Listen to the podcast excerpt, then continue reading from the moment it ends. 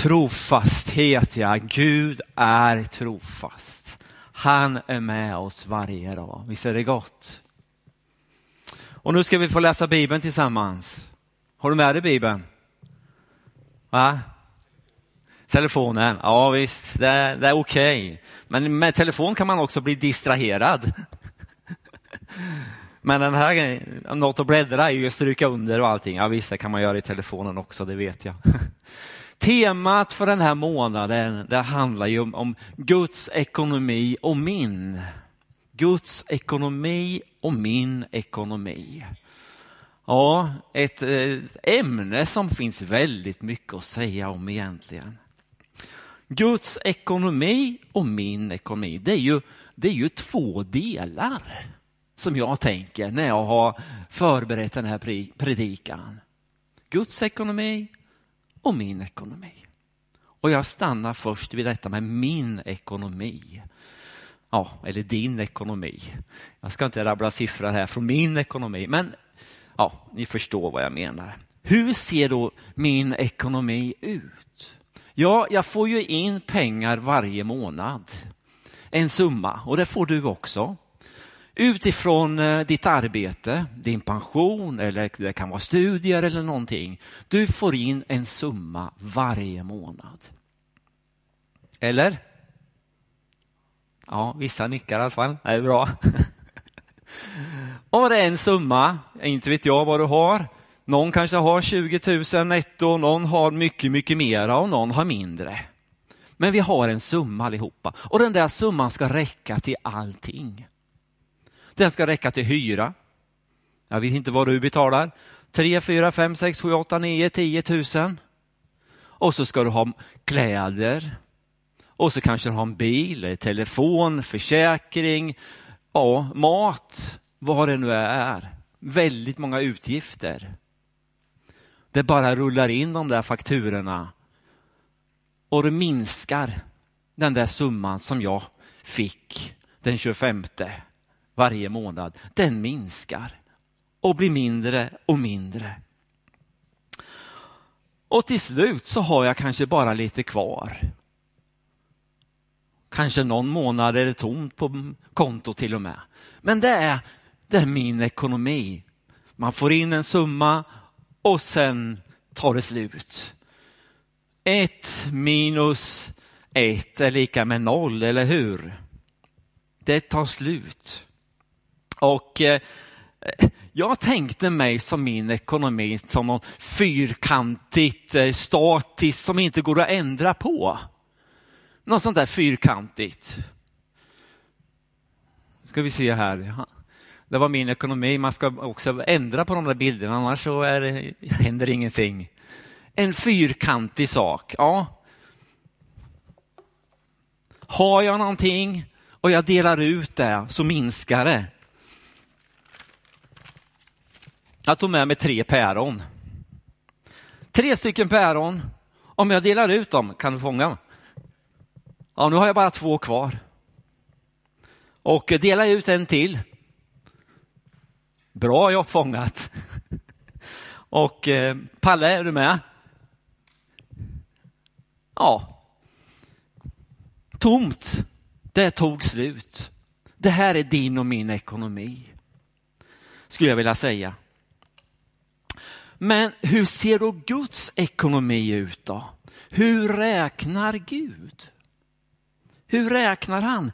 Räknar han eh, ett plus ett är två? Gör han det? Nej, inte riktigt skulle jag vilja säga. Vi stryker det där. Det där med Guds ekonomi, det, det är svårt att hänga med. Det är inte lätt att göra en budget på hans ekonomi. Jag som inte kan det med budget överhuvudtaget knappt, jag menar, eh, men de som håller på med det, ja, jag tror att de kan hålla med om det här med Guds ekonomi. Den är inte enkel. Jag tänkte att jag skulle stanna vid några exempel idag. Hur Guds ekonomi fungerar. Och eh, vi går till Johannes evangeliet först. Eh, 5 och 13. Och det är om ett brödunder. Vi läser där Johannes evangeliet 6, 5-13. När Jesus lyfte blicken och såg att det kom mycket folk till honom sa han till Filippos, var ska vi köpa bröd så att de får något att äta? Det sade han för att pröva honom. Själv visste han vad han skulle göra. Filippus svarade, bröd för 200 denarer räcker inte för att alla ska få var sin bit. En annan av hans lärjungar, Andreas, bror till Simon Petrus, sa till honom, här är en pojke som har fem kornbröd och två fiskar. Vad räcker det till så många? Jesus sa, låt folket slå sig ner. Det var gott om gräs på platsen och de slog sig ner. Det var omkring fem tusen män. Jesus tog bröden, tackade Gud och delade ut till dem som var där. Likaså av fiskarna, så mycket de ville ha. När de var mätta sa han till sina lärjungar, samla ihop bitarna som blev över så att inget går förlorat. De samlade ihop dem och fyllde tolv korgar med bitarna som blev över efter de fem kornbröden när de hade ätit. Fem tusen män var samlade. Ja, det var säkert kvinnor och barn där också. 5 000, det kanske handlar om 10 000, jag vet inte. Men det var massor av folk. Och eh, 200 denarer, ja. En denar är en dagslön brukar man säga. Så 200 dagslöner, det rör sig om stora summor egentligen. Det handlar kanske om flera hundratusen. Ja, men så mycket pengar har vi inte. Nej, precis. Och så kommer Andreas. Och här är en pojke som har matsäck, fem bröd och två fiskar. Men vad räcker det? Det funkar ju inte. Det går ju inte. Nej, exakt. Men Jesus, han fick den där matsäcken på något sätt. Människorna sa ju, nej men det funkar ju inte. Det där går ju inte. Det är ju omöjligt. Det ser ni väl? Ja. Jesus och lärjungarna såg samma problem framför sig, men de hade helt olika lösningar på problemet. Ja. Lärjungarna, de ville skicka iväg folket. Men Jesus, han ville göra ett mirakel. Han ville göra ett under där. Hur tänker vi? Våran ekonomi ser ju lite fyrkantig ut. Men eh, hur tänkte Jesus här? Ja, ja, han har inga begränsningar. Så vi fixar till och gör någonting utifrån det lilla som fanns. Räknar du och jag med Gud? Eller har vi fastnat i den här fyrkantiga boxen? Ja, matsäcken den var liten. Inget är för litet för att användas i Guds tjänst. Jesus kan mångdubbla det lilla vi har. Och det var ju det Jesus gjorde precis utifrån den här matsäcken. Guds ekonomi, den är inte enkel att få grepp på.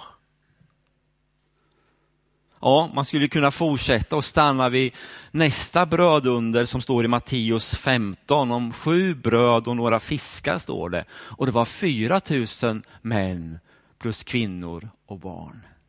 Mm. Där gjorde han det där undret också. Men eh, Ja, jag har ju en sommarstuga och det kanske ni har hört några gånger från den här scenen. Både Anneli och jag har pratat om denna sommarstugan lite titt som tätt.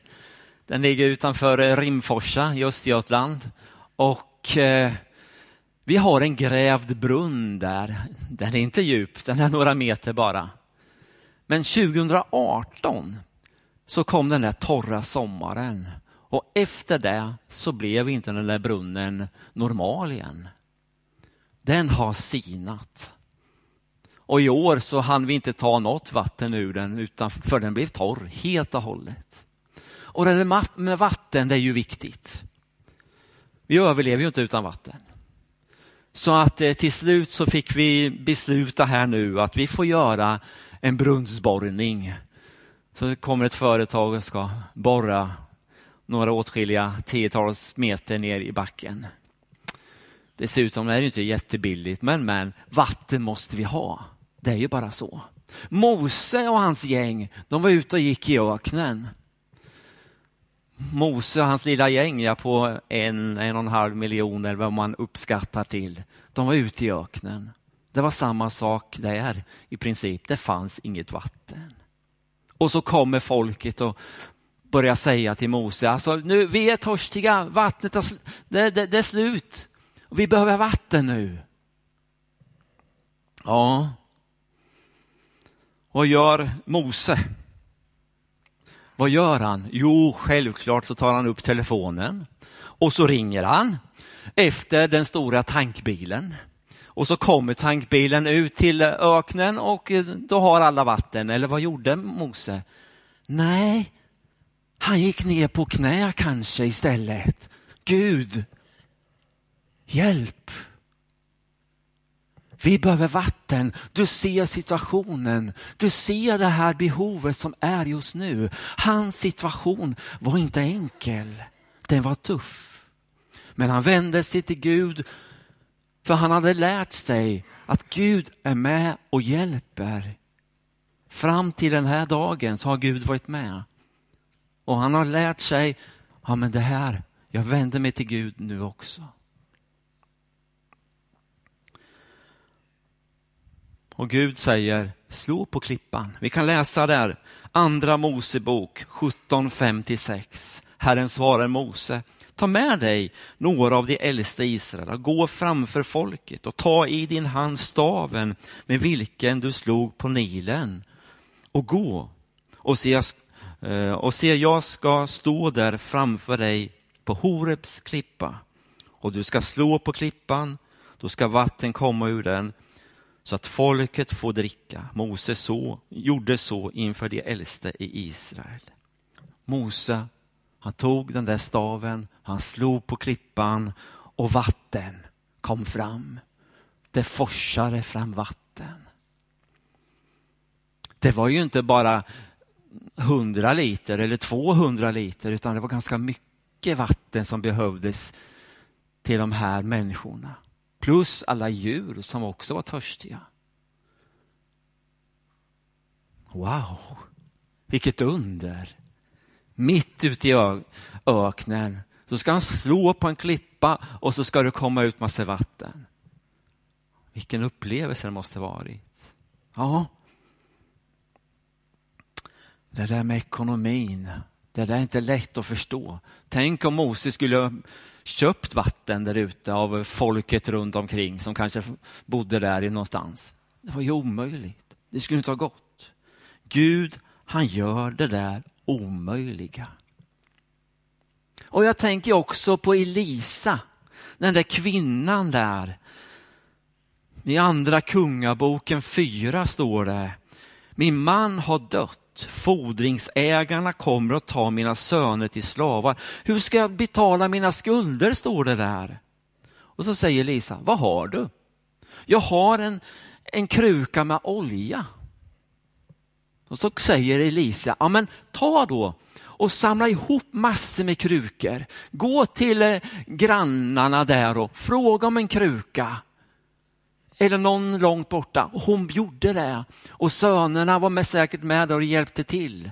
De samlade in massor av krukor. Och så sa Elisa, nu ska du ta din oljekruka som du har där hemma. Så ska du börja tömma upp dig i de andra krukorna. Låter det logiskt? Nej, det är ju bara att flytta den oljan som finns i den krukan till nästa kruka. Det är väl inte logiskt att göra det? Det är ju som att tömma mjölken från ett mjölkpaket till ett annat mjölkpaket och tro att man får mer mjölk. Det går ju inte. Men den här kvinnan gjorde det. Hon började tömma första krukan. Och så sa han till en av sönerna, nu, nu får du komma med nästa, nu, nu är den här snart full. Och han kom med nästa och så fyllde hon den ena efter den andra. Ja, nu måste jag ha en till. Jaha, det, det är slut. Och då slutade oljan att rinna. Så hade Elisa sagt, den här oljan ska du gå och sälja så får du pengar så kan du betala av din skuld så inte dina söner hamnar som slavar. Var det logiskt? Nej, absolut inte, som jag sa förut. Men Gud gjorde det omöjliga möjligt. Guds ekonomi. Aha.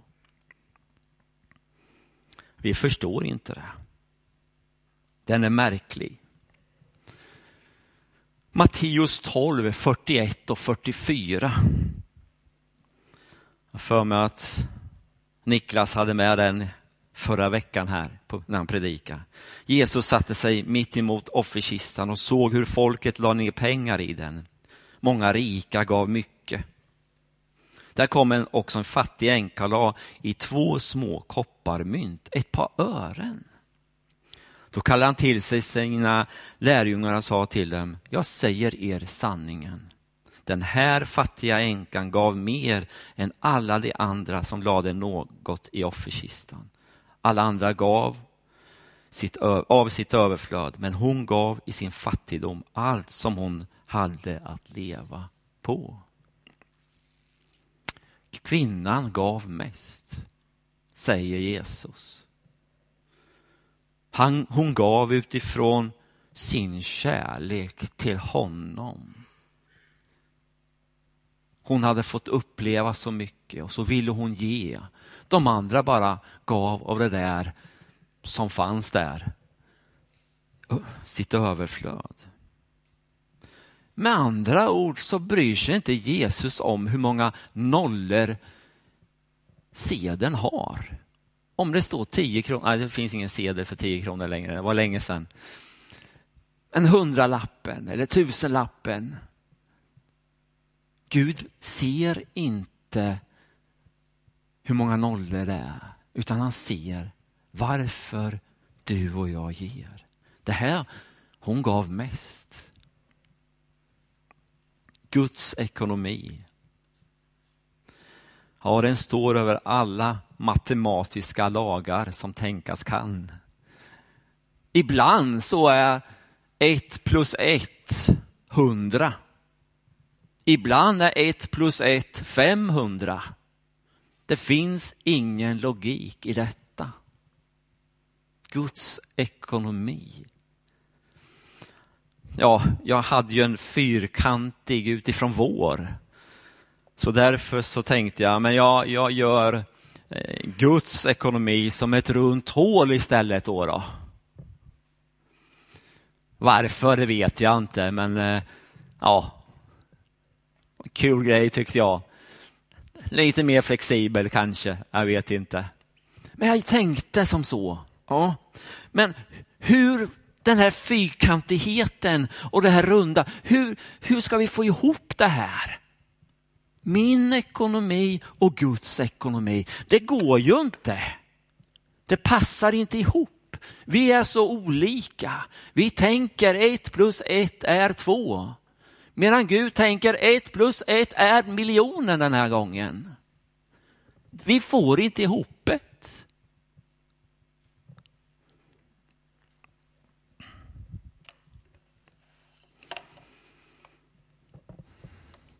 Lämnar jag över det jag har till Gud, då kan saker ske. Men håller jag fast i det, då kan inget ske. Lämnar jag över saker, det betyder nästan att jag slipar lite på min kantighet. och börjar jag slipa på min kantighet och helt plötsligt så kanske de här bitarna passar ihop. Vi hade något sånt där Fisher Price leksak där man skulle ta en kloss och stoppa i någonting. I en rund skulle man stoppa en rund grej av, men jag hittade inte den hemma. Det var så länge sedan barnen var små. Annars har vi sparat ganska mycket där hemma, Anneli och jag. Men eh, ja, att få ihop det här. Jag tänker på den här pojken som jag började med att läsa om i Johannes 6. Som hade den där massäcken, fem bröd och två fiskar. Den där hade han fått av mamma. Hon hade fixat till det här. Kanske var mamma. Ja, vi säger att det var mamma i det här fallet. Och så sa mamma, nu ska du ta med dig den här. När du blir hungrig, ja, men då, då har du något att äta. Kan du passa på där och mumsa lite när du blir hungrig och lite sådär. Ja, tappa inte bort det här nu, var rädd om den. Kom, kom ihåg det här nu, du, det är din matsäck här nu. Och så står den där pojken där och Andreas får reda på den där matsäcken som fanns. Och hon blev lite nyfiken. Hur mycket matsäck har du? Hur mycket bröd har du? Hur många fiskar har du? Och så berättar den lille pojken där, ja men jag har fem bröd och två fiskar. Ja, Andreas fattar ju, det här räcker ju inte långt. Men ändå så berättar Andreas det för Jesus. Och så fick den där pojken reda på att, va? Vill Jesus ha min matsäck? Varför då? Va? Ja men, det är ju så lite. Och förresten så är det min. Ja, det har mamma sagt. Mamma har sagt att det är min. Men Jesus, ja han är ju ganska speciell. Jag har faktiskt hört att han kan göra märkliga saker. Ska jag ge honom den där min matsäck till honom? Men då blir jag ju hungrig. Då får ju inte jag vad jag behöver. Då blir jag jättetrött och orkar. Ja, man undrar lite vad tänkte den där pojken? Det står bara en rad, en pojke hade matsäck, men det finns ju en historia, en, någonting runt omkring den. Och hur, ja, på något sätt så kom han fram till, okej okay, Jesus, du får matsäcken. Han gav allting. Han gav allt till Jesus. Han visste inte om han skulle svälta hela den dagen. Men när han gav det så förstod han inte att han skulle få så mycket mer tillbaka. Han kanske inte blev mätt på de här fem bröd och två fiskar. Men eh, som vi förstår av berättelsen så gjorde Gud Jesus ett så stort under så att han kunde äta hur mycket som helst den här pojken. Ett praktexempel på vad Jesus gör för dig och mig när vi lämnar över saker. Det här med ge och få tillbaka. Det där kan vi inte räkna på. Nej, men pojken i det här skeendet fick så mycket tillbaka. Förstår vi? Förstår vi de här berättelserna? Att de finns här och nu. I ditt och mitt liv där du finns. Vi räknar våra kronor, vi ska ha koll på det, vi har ansvar för det. Det ska vi ha, absolut. Men Gud är Gud. Och får jag lämna över det där som jag har till honom så kan han välsigna det på ett fascinerande sätt. Han står över allting, över alla de här lagarna. Det finns inga begränsningar. Han kan allt. Han kan möta dig i din situation. Och min bön är bara, helige ande kom. Låt oss verkligen känna och förstå den här Guds ekonomi i mitt liv. Då jag kan verkligen stå tryggt och lita på att han är med var den är. Jag tänker på Mose när han stod i den här situationen.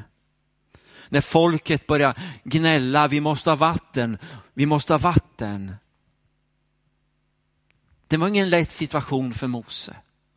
Men i den situationen så ropar han, Gud hjälp mig. Hjälp mig. Likaså med änkan som jag berättade om med oljan. Hjälp mig. Och Elisa, profeten, hade ett ord från Gud. Så här ska du göra. Du och jag, vi är i olika situationer. Du kanske har en sån situation idag som är jättetuff, jättejobbig. Jag vet inte vad. Men det vi kan göra det är ropa till Gud. Hjälp mig.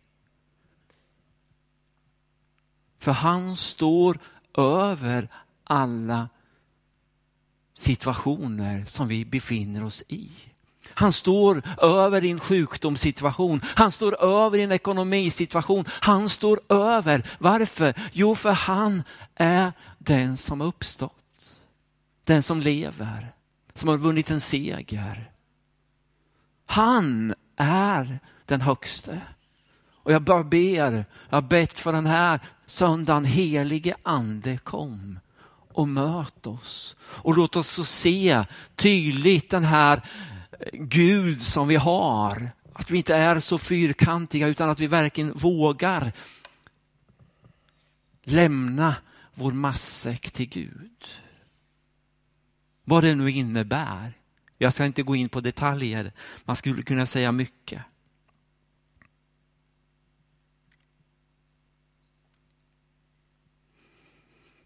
Matteus 6 och 33. Nej, sök först Guds rike och hans rättfärdighet, så ska ni få allt det andra också. Bekymra er alltså inte för morgondagen, var morgon bär sin eget bekymmer, var dag har nog av sin egen plåga. Ja, men vad var det det första det handlade om? Ja, gör er inga bekymmer. Gör er inga bekymmer. Gud har många namn. Och ett namn är Herren är vår försörjare. Herren är vår försörjare. Inget är för litet för att användas i gudstjänst. Jesus kan mångdubbla det lilla vi har. Det är så gott att veta det, tycker jag. Jesus och lärjungarna såg samma problem, men de hade olika lösningar. Min bön är, låt mig ha samma lösning som dig, Gud. Så är vi på samma linje. Låt mig se det du ser.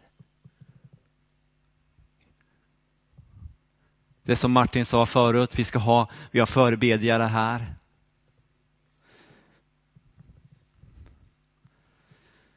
Vi ska ha en förbönstund. Och jag skulle vilja uppmana dig att passa på att ta det tillfället. Vissa går fram och ber, eller får förbön och något naturligt och vissa tycker det är lite jobbigt. Men jag vill bara uppmana dig, har du inte gjort det? Eller har du gjort det varje söndag förut? Kom och gör det. För en förbedjare är förberedd i bön innan. Och tänk om du får en hälsning av Gud själv genom den förebedjaren du kommer till. Den hälsningen kanske du inte får i bänken, jag vet inte. Men det här är en förmån som du och jag har tillgång till. Och i det så kanske du kan nämna om det är någonting, jag vet inte. Be för det här. Den här situationen som jag befinner mig i, den är så jobbig. Jag vill att du ska hjälpa mig att be för det här. Jesus, jag tackar dig för du är vår försörjare. Din ekonomi, den kommer vi aldrig att greppa. För den är så annorlunda mot, mot de matematiska reglerna som vi är bundna vid. Tack att vi får lita på dig i alla situationer. Och tack att du är med oss Jesus. Låt oss verkligen få upp ögonen för vem du är på ett nytt sätt. Låt oss få se dig från en annan synvinkel. Som vi kanske inte gjort förut. Tack att du är här just nu och tack att du vill möta var och en. i den situation som, som vi befinner oss, var vi nu är. Tack att jag får proklamera seger utöver de här situationerna som finns. Du är helaren. Du är livet, du är kraften. Och tack att du kan komma och förvandla. Och tack att du vill göra det den här stunden. Tack att vi får tro på dig Jesus. Att du vill möta oss. Här är vi. Här är vi inför dig. Jag ber helige ande, kom du just nu. Helige ande kom och rör vid oss. Som bara du kan göra. Tack att du kan lyfta av det där som tynger. Du kan lyfta av den där bördan som är så tung just nu hos personen i fråga. Du kan lyfta av den där oron som är. Helige ande kom du. Helige ande kom och gör ditt verk. Vi hyllar dig, vi ärar dig för det här Jesus. Jesus, Jesus, Jesus. Tack far i himmelen. Tack far i himmelen. Jesus Kristus. Förebedjarna finns här framme, så du är bara välkommen fram. Ta tillfället.